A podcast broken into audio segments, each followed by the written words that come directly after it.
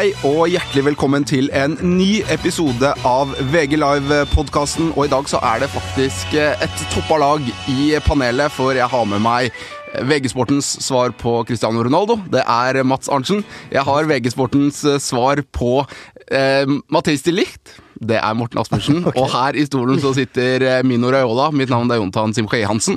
Og da er det jo fint at vi skal snakke litt om Juventus i starten her, for de har altså nettopp fått seg en ny stopper. Det er Mathis de Licht, og han er kanskje Europas mest ettertraktede spiller akkurat nå. Eh, er det noen som er bedre enn Juventus eh, på overgangsmarkedet de siste årene? Um, de har jo blitt eksperter på sånne små kupp, sånn Ullared-kjøp. De henter gratis spillere, Ramsey Uh, ja, og gjort det i flere sesonger, egentlig. Uh, og så har de punga ut der for, Ronaldo i fjor, de likte i år som alle ville ha. Og så er det jo et styrketegn for de at uh, de får en av de mest lovende stopperne i hele verden. Ja, og Ramsey, Buffon har kommet tilbake, Rabiot er inn gratis der. De bare raker det inn, liksom. Og, men hvorfor klarer egentlig Juventus det her, hvor alle andre klubber driver og jager for harde livet etter disse spillerne? Ja, det har vel mye med at det er en klubb som absolutt skal kjempe om den Champions League-plassen og trofeet, ikke minst. Eh, det er jo et lag som eh, Ja, det er vel det beste i Italia gjennom de siste årene. Eh, kommer alltid langt i Champions League. De har Ronaldo, ikke minst. Det mm. må jo lokke et par spillere til, til klubben, bare det. Så det er jo altså Rabiot, Ramsey, Buffon, uh, Ligt nå sist.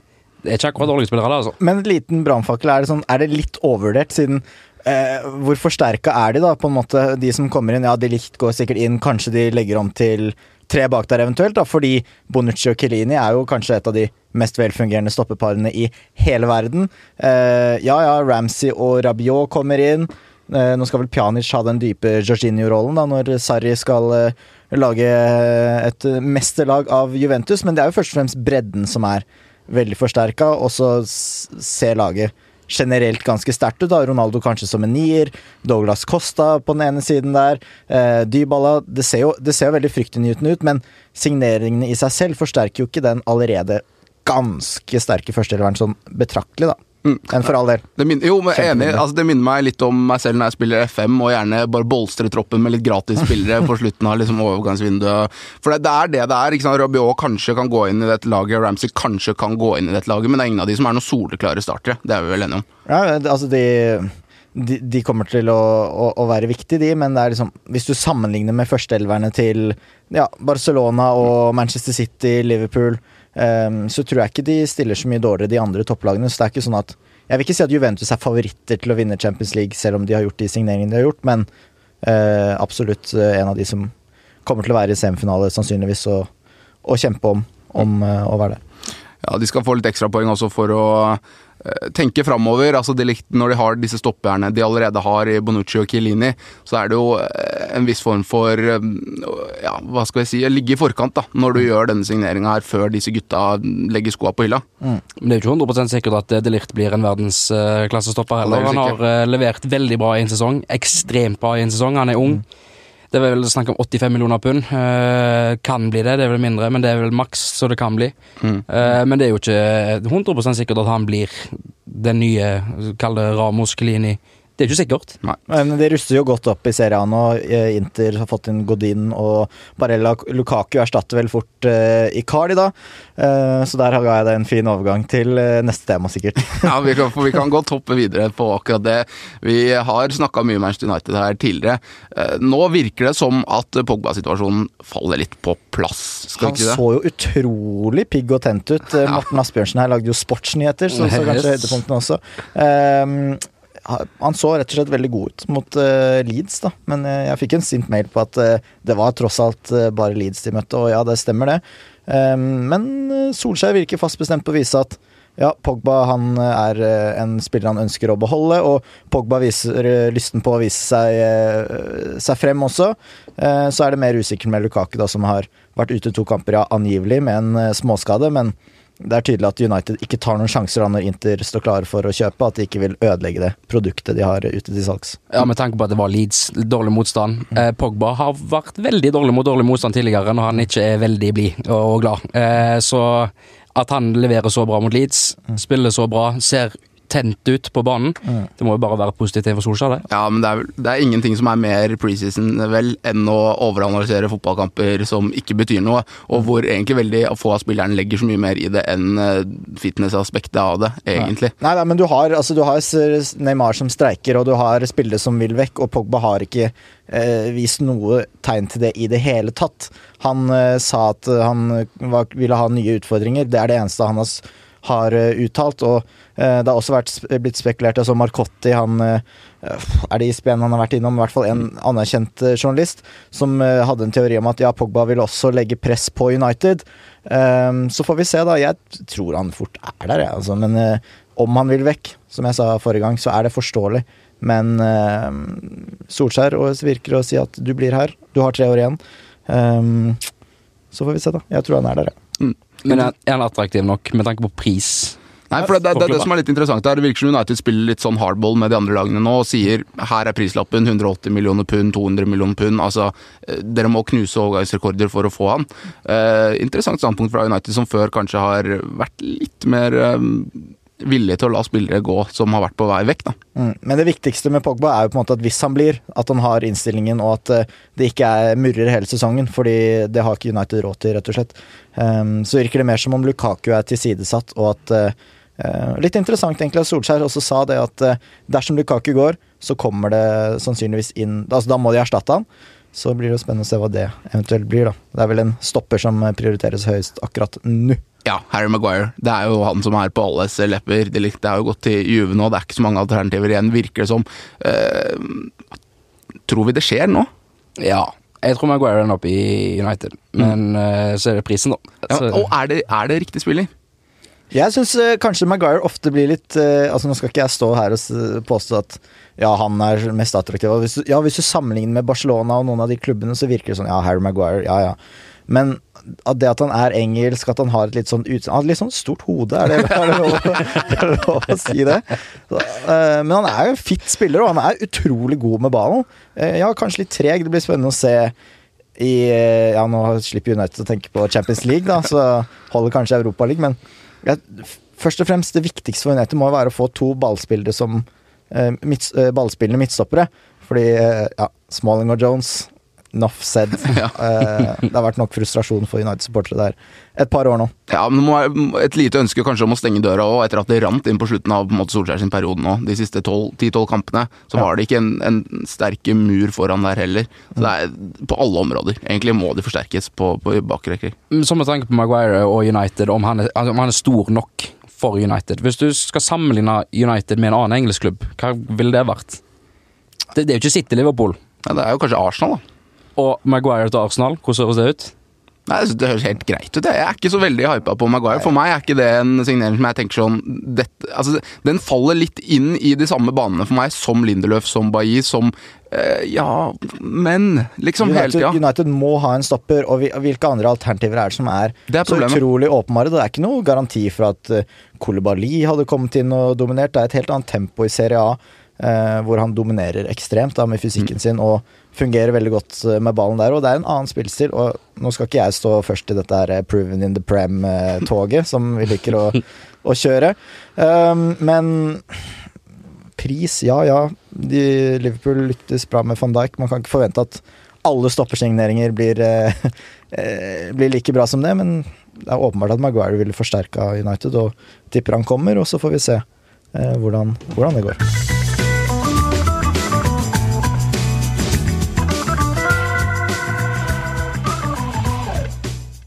Ja, og vi kan jo ta oss videre til en annen britisk spiller som har vært på flyttefot. For uh, Kieran Trippier ble jo i går eh, klar for Atletico Madrid. Mm. jeg virker og opplever at jeg kanskje er den eneste i min omgangskrets som er eh, litt sånn taggad på den signeringen. Ja, jeg liker den signeringen for Atletico. Jeg synes Atletico har beveget seg ganske bra på overgangsmarkedet nå. Um, men mange virker veldig oppgitt av fjorårssesongen til Trippier. Morten, hva tror du? Kan han eh, fungere i, i Atletico? Jeg har alltid hatt sans for Trippier. Jeg. Syns han er en meget bra back. Han har litt begrensninger defensivt, og det visste han jo i fjor, men den foten der og den løpskapasiteten og Han er ikke krisedefensivt heller, så jeg tror Atletico har gjort et eh, veldig bra kjøp. Det var ikke så dyrt heller. Det var vel rundt 20 millioner Mm, euro. Så kjempesignering. Men briter i, i England, Matt? Det kan jo ikke gå. Det kan jo ikke gå. Woodgate, Owen Det er bare å nevne i, i fleng her. Men han er jo fantastisk offensivt, da. Men det er sånn, han er så, gjør så mye rart. Ja, Han er sånn tabbemagnet. Mm. Um, det, er sånn, det er så oppsummerer alt så utrolig bra når han i liksom, avskjedstalen eller den meldingen til fansen klarer å tagge San Antonio Spurs.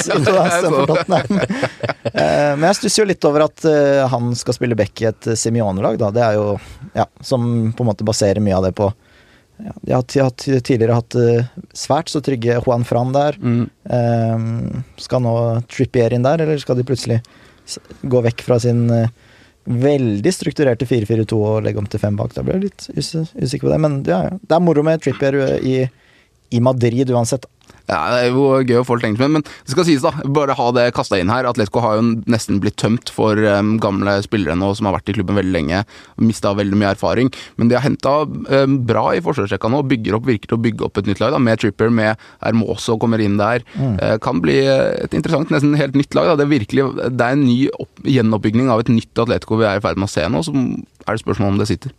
Ja, jeg er ikke sånn overbevist ennå. Det må komme litt flere spillere inn hvis jeg skal se at dette her kommer til å bli en suksesssesong for Atletico. Det er en god, altså en god del spillere Mm. som er veldig bra, som har forlatt Atletico nå. Det er jo en klubb som har overprestert på en måte Absolutt. med tanke på ressurser og alt at de har klart å, å, å, å heve seg, hevde seg så bra i kamp mot Barcelona og Real Madrid. Det er jo rett og slett veldig imponerende. Så får vi se, da, med Og når de da også mister et par andre brikker, om de klarer å, å, å nullstille seg. Men jeg spør på Tottenham jeg etter Trippier nå, for nå selger de han billig. Så det er Aurier og Walker Peters igjen på høyreback. Ja, så er det Foyt. Da, som kan, kan spille back, Ja, men det er vel ikke noe er kanskje ikke noe engelsk lesbelyd på eh, Nei.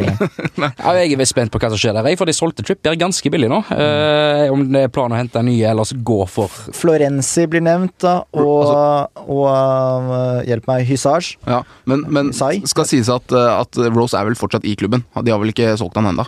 Han er Ja. mestre. Så ja da, men han, han kan fortsatt spille back. Ja. Ja. Ja, så altså det er, Hvis du får Rose på høyrebekken her, da blir jeg meget overrasket. Altså. Eh, men uh, Pochettino det, virka, det var først noen rykter om at eh, om at de var fornøyd med det de har, men så så jeg at De Marcio nevnte da Florenzi og, og Hysai, og det er jo i så fall Det er vel ikke noe dårligere spiller enn Trippier, det, altså. Nei, men det er, det er jo et backmarked også. Vi har snakka litt om det tidligere, spesielt så vi har nevnt mye om det. At mm, backer har blitt veldig viktig, og det har blitt dyre nå. ikke sant? Vi ser jo Wambisaka til United for uh, ja, det var godt over 50 millioner, vel. Mm. Eh, så- Og han har fått en god start, altså, de to treningskampene. Ja da, mot Perth Glory og, eh, og Leeds der, Eh, men men han ser Jeg skjønner er at United-fansen er, eh, er litt overbevist. Det er så det er sånn, Han er, er ser så flott ut når han kommer stormende inn der og setter inn en god takling. Det er jo sånn, sikkert litt sånn som Liverpool-fansen må føle når van Dijk kommer og rydder opp, uten sammenligning for øvrig. Men han har sett greit ut offensivt òg. Ja da. Han har- fått, fått fiksa en assist og Ja. også, så I fjor så var det jo snakk om det defensive. At han ikke hadde så mye offensivt i den der moderne bekken offensive som kommer mye Ja. rundt og legger inn. Det var defensiv trygghet. Men i et Roy Hodgson-lag, når du har Patrick van Anholt som uh, spiller mer wing enn han spiller back på andre siden, så tror jeg det er litt sånn Da må nok den andre bekken stå litt mer også. Mm. Uten at vi skal snakke fag, fag, fag her eh, i denne podkasten.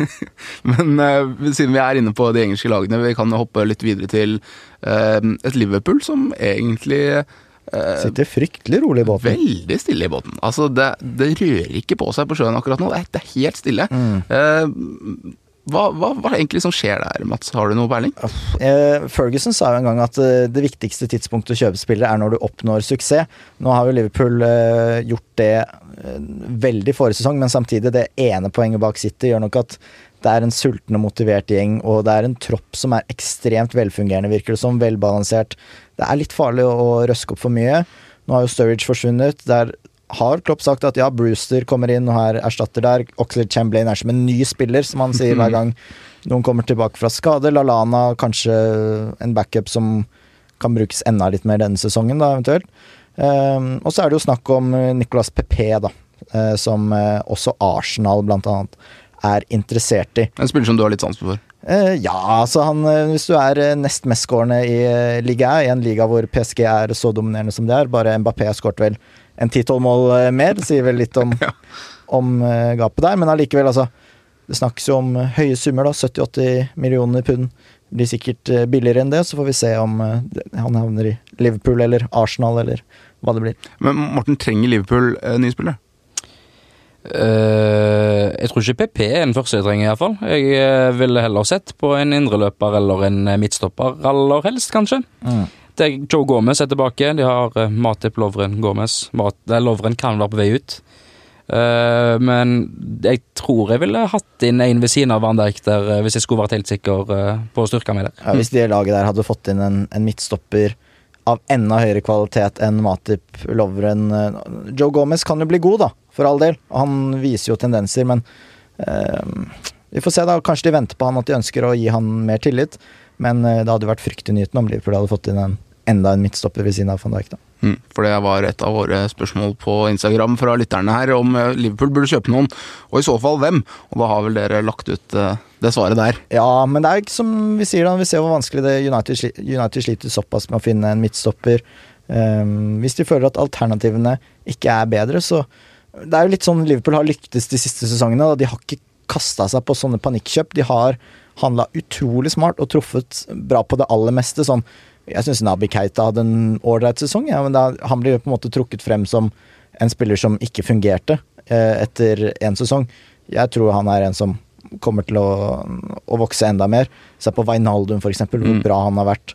Eh, flere av de Fabinho har på en måte gått inn og, og styrt der, og van Dijk er jo da det ekstreme eksempelet, da. Eh, Sala, Vrakots eh, Ja, jeg tror folk kjenner til den historien, men ja. Jeg tror ikke Liverpool har, gjør noe ut av panikk, da, i hvert fall. Selv om Klopp driver og mm, SMS-terroriserer Mané og ber han komme hjem. Så de får ha spillere til sesongstart. Ja, for det er jo um, hele trioen på topp der som vel har vært eh, aktive i sommer med andre mesterskap.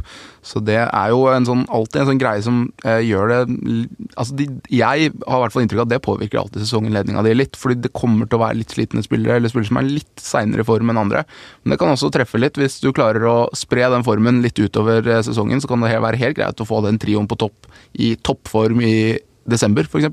Jeg snakka mye om Tottenham i fjor, Mm. etter VM. Hvor mye slitne bein de hadde. De hadde jo ekstremt mange spillere som var med lenge i mesterskapet. Og så skal de jo ha fri etter mesterskapet, og det er vel tre uker de har. Ja, og Klopp eh, er ganske streng på å følge den eh, også. Så Mané kommer nok garantert til å ikke spille Community Shield. Det er 16 dager etter eh, finalen i morgen, altså fredag. Um, så får vi se, da, med Salah som røk ut litt tidligere. Kanskje klar til han i hvert fall klar til seriestart, sammen med Firmino. Mm.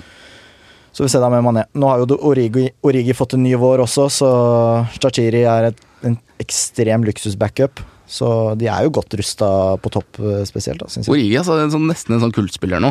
Jeg så han signerte en ny kontrakt med Champions League-trofé ved siden av seg. Ja, det som var litt gøy i den pressemeldingen, var at det ikke sto hvor lang kontrakten var. Det har jeg forresten glemt å sjekke, men Jeg har ikke funnet ut, jeg heller. Vi leter det etter det. Ja, Det var long term, var det. Long term. Er fint. Det, er, det som ikke er long term, da, er at det er 20 dager igjen av overgangsvinduet uh, for de engelske lagene. Det er jo 8. august, så stenger det, og, og nå, når vi sitter her i studio nå, så teller vi altså 18. juli. Så det er noen som begynner å svette litt, og det begynner å bli litt kort tid. I hvert fall for lag som Arsenal og Manchester United, som virkelig er um, på jakt. Det er ikke, på en måte ikke ordentlig sommer før eh, en stor stjerne begynner å flørte med United, sånn som Neymar nå er sist ut. Mundo Deportivo melder at eh, han er aktuell for United, og det er sånn United har fått den rollen som en sånn eh, litt sånn rik mann. Som eh, en kjæreste bruker for å gjøre typen sjalu når hun ikke får nok oppmerksomhet. Og det er United biter på hver gang. Bale for i fjor og i forfjor. Vesle Schneider i ti Ja, men år. det var det vel agenter som ville ha han dit.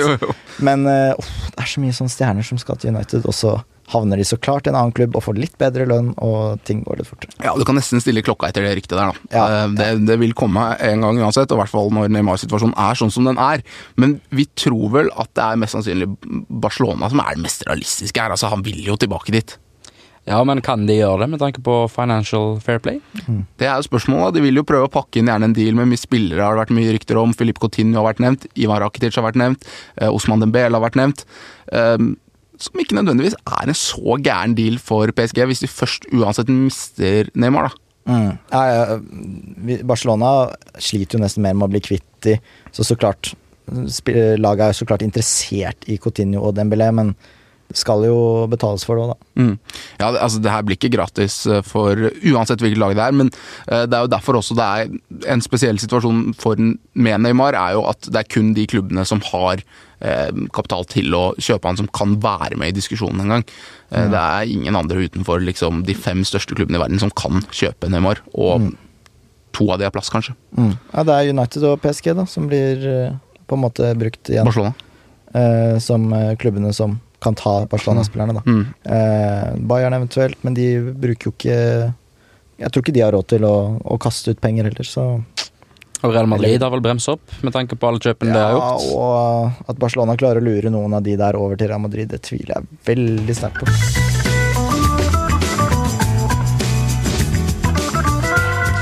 Eh, Men eh, du nevner jo Bayern. Det er jo en klubb som det liksom går litt sånn Det, det rister litt i Bayern. Det er ikke helt eh, stødig der. Det er mange spillere som nå har vært ute og sagt det. Så en pressekonferanse med Lewandowski i går hvor han eh, mente at klubben ikke har vært involvert i noen store overganger de siste to årene. At de må signere nye spillere for å henge med i toppen. Og Da har vi et lytterspørsmål fra Edvard som lurer på om eh, Tror dere at de signerer Sané? Vi så jo Pep Guardiola på en pressekonferanse her om dagen si at han ville ha Sané, beholde han i Manchester City. Eller hvem bør de hente for å erstatte Ribberi? Har dere noen tanker i hodet om hva som kan gjøres i, Bayern for å eh, ta de tilbake helt opp i toppen her? Om det tar det tilbake i toppen, det vet jeg ikke, men eh, at Sané ville vært en kjempesignering, det er det ingen tvil om, og kanskje en lykkelig historie for alle parter. Um, og så tror jeg tror han eller Dembélé evner i Bayern. Hmm. Det er Robben nå, har vel eh, lagt opp nå. Riktig. Müller eh, begynner å bli gammel. Lewandowski blir ikke yngre med åra. Så de trenger jo noe offensivt der. Det er vel Koman, kanskje, så er vel den, eh, Mm. den eh, yngste der oppe som har det, den kvaliteten Bayern München krever på de offensive spillerne. Gnabry kommer jo da, veldig også. Så Ikke sant? Det er, Det var jo de som avslutta sesongen stort sett på kantene i toppkampene for Bayern. og ja, de, altså, Ribri spilte vel knapt en kamp fra start etter, eh, etter jul, så mm, de har jo på en måte erstatta han allerede, men de vil jo eh, sikkert forsøke å ta et, et steg til etter det. Mm, det er jo og det er ganske stor forskjell på de, det vinduet Dortmund har gjort og det Bayern har gjort, syns jeg. Jeg syns Dortmund har handla mye smartere enn det Bayern har gjort, virker det som. Eh, Mm. Prismessig spesielt, da. Um, vi kan fortsette litt med litt eh, norske spillere, for det er litt ting som skjer. Og vi har jo hørt at Sander Berge er ferdig i Belgia nå. Han vil videre til en ny klubb, har det blitt sagt. Eh, og så kom eh, dette at eh, Sheffield United har lagt inn bud, det fikk vi i VG også bekrefta, som nå han har takka nei til. Sander Berge. Tror dere det er en god avgjørelse av det norske stortalentet, Morten? Hva tenker du? Jeg tror han ville fått mye spilletid i Sheffield United. De er ikke veldig godt besatt på midtbanen, den nye klubben til Premier League. Eh, De henta Freeman, eh, Luke Freeman fra QPR. Eh, God spiller, men jeg mener Sander Berge er foran han. Og Freeman er henta for å starte 100% Så eh, med tanke på spilletid så tror jeg han kunne fått mye, men han kan nok sikkert gå til en bedre klubb enn Sheffield United, altså. Mm. Men det er jo det. Altså, hva er alternativene egentlig for Sander Berge? Hvor høyt bør han legge lista i, framtida her for det neste steget? Jeg sa jo sist at jeg, hvis han får et tilbud fra La Liga eller Serie A eller Premier League, så burde han være veldig fornøyd og hoppe på det. Men uh, da virker de trygge på at eh, det kommer andre tilbud, da. For jeg tror at uh, hvis det sto mellom, bare mellom Genk og, og Sheffield United, så tror jeg han hadde tatt Sheffield United. Så det er vel et ganske godt tegn på at eh, det fins litt bedre tilbud, da. Mm. Og Det er jo interessant at han selv lister opp eh, at, eller altså, Kildene i belgiske medier sa jo at dette var grunnen til at han hadde høyere ambisjoner enn Sheffield United, som er en Premier League-klubb, nyopprykka dog, men uansett, han legger altså lista høyere enn bunnen av de topp tre-fire største ligaene. Det er jo litt, eh, litt spenstig. Ja, han har vært linka til Sevilla en del tidligere. Eh, der tror jeg ikke han hadde spilt seg rett inn, for å si det sånn. Eh, så at han har et ambisjonsnivå om å komme høyere, spille kanskje midt på tabellen og oppover lag i de store ligaene, det syns jeg er litt kult, jeg. Viktigste er jo egentlig at han får en uh, rolle hvor han eh, hvor han passer inn, da, og et, eh, et opplegg rundt. Det er for, for unge spillere heller enn akkurat hvilket lag du kommer til. Det, spilletid er jo det desidert viktigste i sånn, et sånn stadie av karrieren. Det viser jo historien for egentlig absolutt alle som har vært i samme situasjon. For en eh, så annen nordmann i Kina, så er spilletid i hvert fall et problem. Mm. Ola Kamara han er droppa til reservelaget til Shenzhen. Det begynner å se litt stygt ut denne årgangen. Han kunne spilt fem kamper, tror jeg, til nå for A-laget deres, eh, og virker jo å være rett og slett i fryseboksen. Problemet er jo at de har for mange utenlandske spillere. Det er en grense der. Du kan spille bare så og så mange i hver kamp, og de bruker du maksimalt, så det er veldig sjelden han får plass i troppen i det hele tatt. Mm. Eh, og nå er han på reservelaget. Um, Mats, du har jo faktisk jobba litt med dette i dag. Jeg snakka med Parry, Ja. og han eh, sa at eh, på, for å spille på A-landslaget så ønsker de spillere som har vært fast i troppen, eh, eller spiller fast. Det er et par unntak. Nordtveit som kanskje har hatt en litt viktigere rolle da, med disse eh, ja, relativt lange innkastene sine, i hvert fall. Eh, em, Bjørn Mars også har vært ute, men de vil ikke stenge døra helt for han ennå, men jeg tror jo at uh, han skal ikke gå veldig mange månedene der før han da bikkes ut av uh, en landslagstropp, fordi det, Fredrik Gulbrandsen, Braut Haaland, OI Det er et par som kommer til å banke enda mer på den landslagsdøra utover høsten, tror jeg. Og um, virker det som et litt sånn feilsteg nå, eh, sett i ettertid. Han var jo fast i USA og hadde en veldig spesiell rolle i, i LA. Han spilte med Zlatan. Det var jo en eh, litt annen verden enn det han kom til i Kina nå. Det er jo, altså, Nordmenn til Kina, det, det er et høyt nivå. eh, høyere enn Norge iallfall. Og det er bra med penger, men risikoen er jo den der kvota på utlendinger. Og det viser jo dette her. Altså, Kina, det er så mye penger der at de kan hente bedre spillere enn de, de norske spillerne, for å si det sånt. Eh, Og hvis det kommer andre, så ender det opp med at du blir satt ned. Og Det er jo Kamara et eksempel på nå. Mm. Men så er det sånn, hva- er det som er viktig, da? Han fyller 30 år i oktober. eh, Å komme til Kina og få lønningsposen ganske full altså, Personlig er det noe jeg hadde takket, eh, takket ja til, i hvert fall. Og om, han da, eh, om de da ønsker å kvitte seg med han igjen fordi de ikke trenger han, så har de penger nok til å sikkert betale litt ut av kontrakten der også, om han eventuelt kan gå på lån et annet sted eller et eller annet. Så har, det er ikke krise om han, om han forsvinner nå i sommer eller uh, ja, litt krise om han må vente helt til januar, sånn på den måten at ja, landslagshøsten fort kan ryke, da, men uh, han overlever nok det også. Ja, apropos landslagshøsten, altså vi snakker en ganske stygg eh, sesong egentlig for mange norske spisser. Sørloth måtte til slutt lånes ut til Belgia. Eh, Kamara ikke spilt noe i Kina. Eh, Bjørn Marsjonsen har ikke spilt noe i Nederland. Bak Tariq og bak King så står det egentlig litt stille nå. Ja, både og. Det er jo andre spillere som leverer ganske bra, da. Um, Gulbrandsen er de som vi nevnte i sted. Uh, vi skal jo faktisk vise serieåpningen til Braut Haaland, som har virket veldig pigg i, i sommer. Um, så det, det kommer jo spillere opp der òg, men uh, jeg tipper at Bjørn Mars f.eks. kommer til å finne seg en ny klubb. Det er vi vel ganske sikre på. Så får vi se da om Sørloth klarer å kjempe seg inn på, i Palace, eller om han eh, lånes ut. Moi vil nok, sannsynligvis, eh, vise at han er god nok i Southampton, og kanskje har tålmodighet der. Det snakket vi om sist. Ehm, så får vi se, da, om, eh, om det lykkes for de. Ja. Men hva tenker du om den taktikken med å beholde altså, At de har så klar stamme på landslaget, at Lagerbäck er så tydelig på denne at spilletid nødvendigvis ikke har så mye å si for alle, og liksom åpner døra litt for at Kamara kan fortsette å være på landslaget på, på høsten. Eh, Bør man ikke satse litt mer på formspillere, spesielt på de som er i rekkene bak de som starter? Altså Jeg kan skjønne at King, hvis King hadde vært benka en stund, så ville man beholdt han, men i de som er fjerdespiss, burde man ikke heller ta de som er i Men jeg form? tror, jeg tror det har du vel egentlig vist det motsatte, da, i Kamaras tilfelle. At han, de var ganske strenge med han da han var i Galaxy. Det tok lang tid før eh, Lagerbäck mente at MLS var bra nok.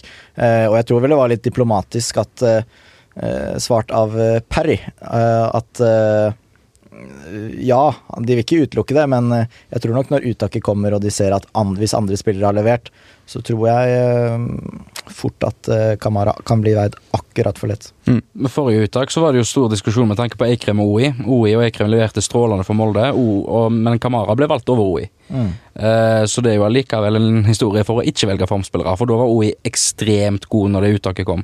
Mm. Men det kan jo være det snur hvis det problemet vedvarer, at det ikke leveres på de som har, han har tatt ut tidligere. Mm. Det må jo nesten det. Ja, det har jo vært mye prat fra Lagerbäck om å, bygge en, en um, hva skal jeg si, en ryggrad i dette laget som skal stå fast, og så noen spillere rundt som roterer. Så det blir vel sikkert noen utskiftninger også når vi skal til eh, Sverige, er det vel ikke det? I september? Første kamp? er ingen- svar skyldig. ja, jeg tror det er Sverige som er første kamp i Eller neste kamp i kvaliken for eh, Norge. Så kan vi avslutte og runde av litt og nærme oss slutten, for vi kan ta et par sånne småting fra, fra engelsk fotball. Vi har snakka litt forrige episode om Wilfred Saha og Arsenal. Um, det er, virker jo som det er den store jakten til Arsenal akkurat nå, men så fikk de plutselig dette Korselny problemet også å deale med, og så ble det litt trøbbel. Men blir Crystal Palace helt ribba nå, eller? De ryker alt? Ja, altså, nå begynner de jo å Som nevnte PP, da, og kanskje det er en slags eh, plan B eventuelt. Eh, Hodgson sier jo at Arsenal ikke er i nærheten av å, å matche det de ønsker å få for eh, Saha. Um, så det blir bare spennende å se hva som skjer der. Uh, og så er det litt uh, dragkamp om en viss William Saliba, en midtstopper som jeg ikke skal skryte på meg altfor mye kjennskap om, men visstnok 18 år talentfull, høres ut som en typisk Arsenal-signering. Mm. Det er vel klubb er det? Tottenham som er på banen der Ja, også, også. med, med Arsenal. Um, hørt gode ting, ikke sett han så mye, Mm. men hørt uh, veldig gode ting. Det kan bli spennende for Arsenal, men han, Arsenal hadde vel tenkt å signere han og så låne han direkte ut igjen til Saint-Étienne en sesong, så det virker ikke som en direkte løsning på, på midtstopperproblemet deres nødvendigvis med en gang, men en for uh, framtida, da. Mm. Eh, En annen eh, omgang som har skapt mye hype i eh, hvert fall fancy miljøer, det er jo eh, godeste Sebastian Haller til Westham. Erstatter Arnautovic. Eh, Har liksom det lille ekstra. Leverer målpoeng så det renner i Tyskland i Frankfurt i fjor. Um, har vi troa, Morten? Ja, Luka Jovic som gikk til Real Madrid, var jo spisspartneren. Han skårte kun to mål mer enn en halvår. Eh, veldig høy, eh, god til å avslutte, eh, veldig god på hodet. Litt mangel på fart, men jeg har tro på han i, i Westham. Det er sånn sterkt av de å selge for en milliard, altså. Ja, det er sterkt. Eh, men eh, nå skal vi ikke snakke for mye nedre Bundesliga, kanskje, men, men eh, ja. eh, de måtte erstatte Arnautovic, som var ja, ganske viktig for dem.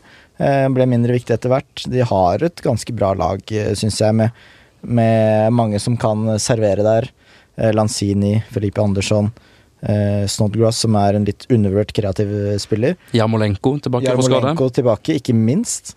Eh, og at de da får en eh, som kan stå i boksen der og, og putte baller i mål, er jo akkurat det de trenger. Mm. Eh, så skal, de skal nok ikke belage seg for mye på at Andy Carroll eller Chicharito gjør det hele sesongen.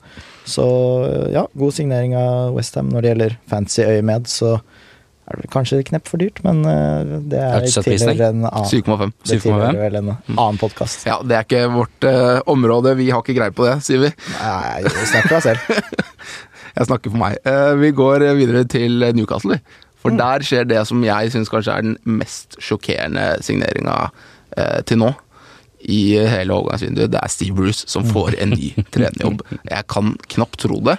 Det er helt utrolig når man ser på hva de har vært interessert i. De har snust litt på yngre trenere, vært og lurt litt der, og så ender de opp med Steve Bruce. Altså, er det håp for Newcastle, eller må de bare gi opp?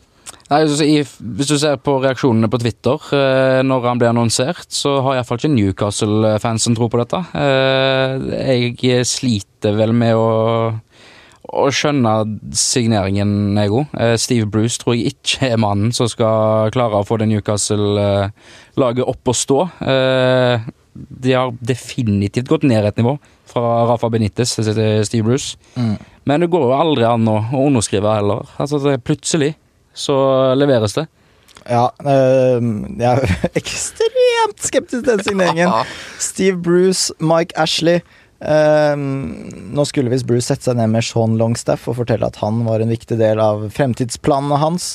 Samtidig så jeg at Dubravka ble linket vekk til Aston Villa, som om Bruce kommer til å slippe den beste keeperen sin til Aston Villa, hvor han fikk sparken. Uh, det er bare å glemme. Um, så egentlig det mest sjokkerende som jeg har funnet ut i dag, er at Steve Bruce har skrevet romaner. Krimromaner. Visste dere det? Når, Har du lest når han har gjort dette? Ja, det var vel Jeg tror det er på rundt 2000. Jeg skal se når publiseringstidspunktet her er. Men eh, blant annet en som heter eh, Striker. Yes! Eh, bright red blood on the knife blade. The knife in my hand. Duffy's dead body stretched out on the locker room floor. Og det som skjer, da, er at eh, det handler om en manager som heter Steve Barnes, fiktiv sådan, manager for Leathersford Town. And a small but historic club hoping to rise to the Premiership from English football's second tier. Barnes finds young Irish striker Pat Duffy stabbed to death in the changing room and, becoming suspected of the murder, spends the rest of the book struggling to clear his name. Fy! Dette må legges eh, musikk og Det musikk er det villeste jeg har hørt. Det er ikke til å tro. Denne kan uh, gå for flere tusen kroner på eBay. Ah, det er det verste jeg har hørt. Uh, vi er ikke sponsa. Ja. Eh, hvis noen vil sponse Vi kan kanskje ikke ta Nei, jeg tror ikke vi har det. Men uansett, det er helt sjokkerende. Eh, og veldig morsomt, da. Beste jeg har lest. Eller beste jeg har hørt lest for meg noensinne. Takk. Men ja, det, vi konkluderer med at vi ikke har troa på verken Steve Bruce i bokform eller i trenerform i år. Eh, nei, ikke egentlig. De har mista Jose Perez også. Mm -hmm. eh, Leicester er jo et lag jeg begynner å bli litt glad i, når jeg ser hvilke elleve som skal starte der. Um, jeg syns, altså, er det ett år Leicester skulle ha vunnet serien, så er det jo år med det laget de har nå. De kommer ikke til å være i nærheten, så klart, eh, for all del. Men at de kommer til å At gapet mellom sjette og syvende og åttende plass er mindre i år, det de, de sniker seg sakte, men sikkert oppover der, tror jeg. da Ja, det er nok noen i London og i Manchester som svetter litt over businessen som jeg, skjer. er, jeg blir ikke overraska hvis enten Chelsea, United eller Arsenal eh, dummer seg ut og havner på en sånn syvende- og åttendeplass og rett bak Leicester Wolves. Det hadde ikke overraska meg, selv om så klart det er større sannsynlighet for at de ikke gjør det. Ja da. Men, eh, ja. Og så til slutt, vi tar den siste lille overgangen vi har her. Det er Fabian Delft til eh, Everton. Smart. Mange syns det er veldig smart. Um, Brite, erfaring, vært med i toppklubb nå en god stund. Mm. Um, kan bringe litt stabilitet inn til et Everton-lag som ikke har så mye tyngde, kanskje. Ja, men det er jo at de har De får inn fornuftige Altså gode spillere som er, tar Premier League-nivå. Eh, det tror jeg bare er positivt for dem. Eh, og han er kanskje litt undervurdert, for Han var jo veldig bra i Aston Villa da, da de var eh, oppe sist. Eh, det er en grunn til at Pep Guardiola kjøpte han. Så får vi se, da. Jeg, altså, jeg skal takke av fordi de har kjøpt Fabian Delf, altså. Men ja. Everton begynner jo å få på plass et par brikker, da. Ja, jeg er ikke overbevist på Fabian Delf. Eh, jeg så han fikk nummer åtte fra, fra Gomez, som måtte gå opp til nummer 21. Eh, ikke veldig stor tro på at Delf eh, kommer til å bli en stor suksess. Jeg vet ikke hvor han skal inn og starte heller. Jeg tror ikke han blir en starter i Everton. Jeg tror Gomez og, og Gay Mm. er foran på de to mm. plassene der, og så har du Gulfi i, i posisjonen foran. Så jeg eh, Det Ja, jeg syns bare det er en helt klok, grei, helt ålreit signering. Ja. Eh, Under 10 millioner også, mener jeg. 8,5 millioner. det er ganske lav risiko. trygt. Det er på en måte øh, Det verste som skjer, er at han blir en rotasjonsspiller. På Ja. en måte. Mm. Han går ikke inn på venstreback, for der er Ding. Ja, der er Ding, og der skal han være, Ja. for å si det sånn. Så, Så- som han skal være på den venstre bekken. Nei, ikke overbevist. Delf.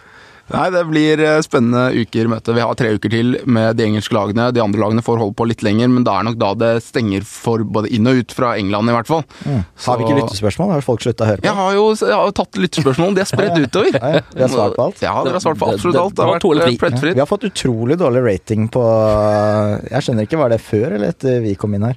Det er sikkert fordi vi hadde det der bygningsgreiene i første episode, så eh, hvis noen har enten liker podkasten, eller bare syns synd på oss, så kan man jo rate, rate oss i iTunes. Det er veldig hyggelig hvis dere gjør det.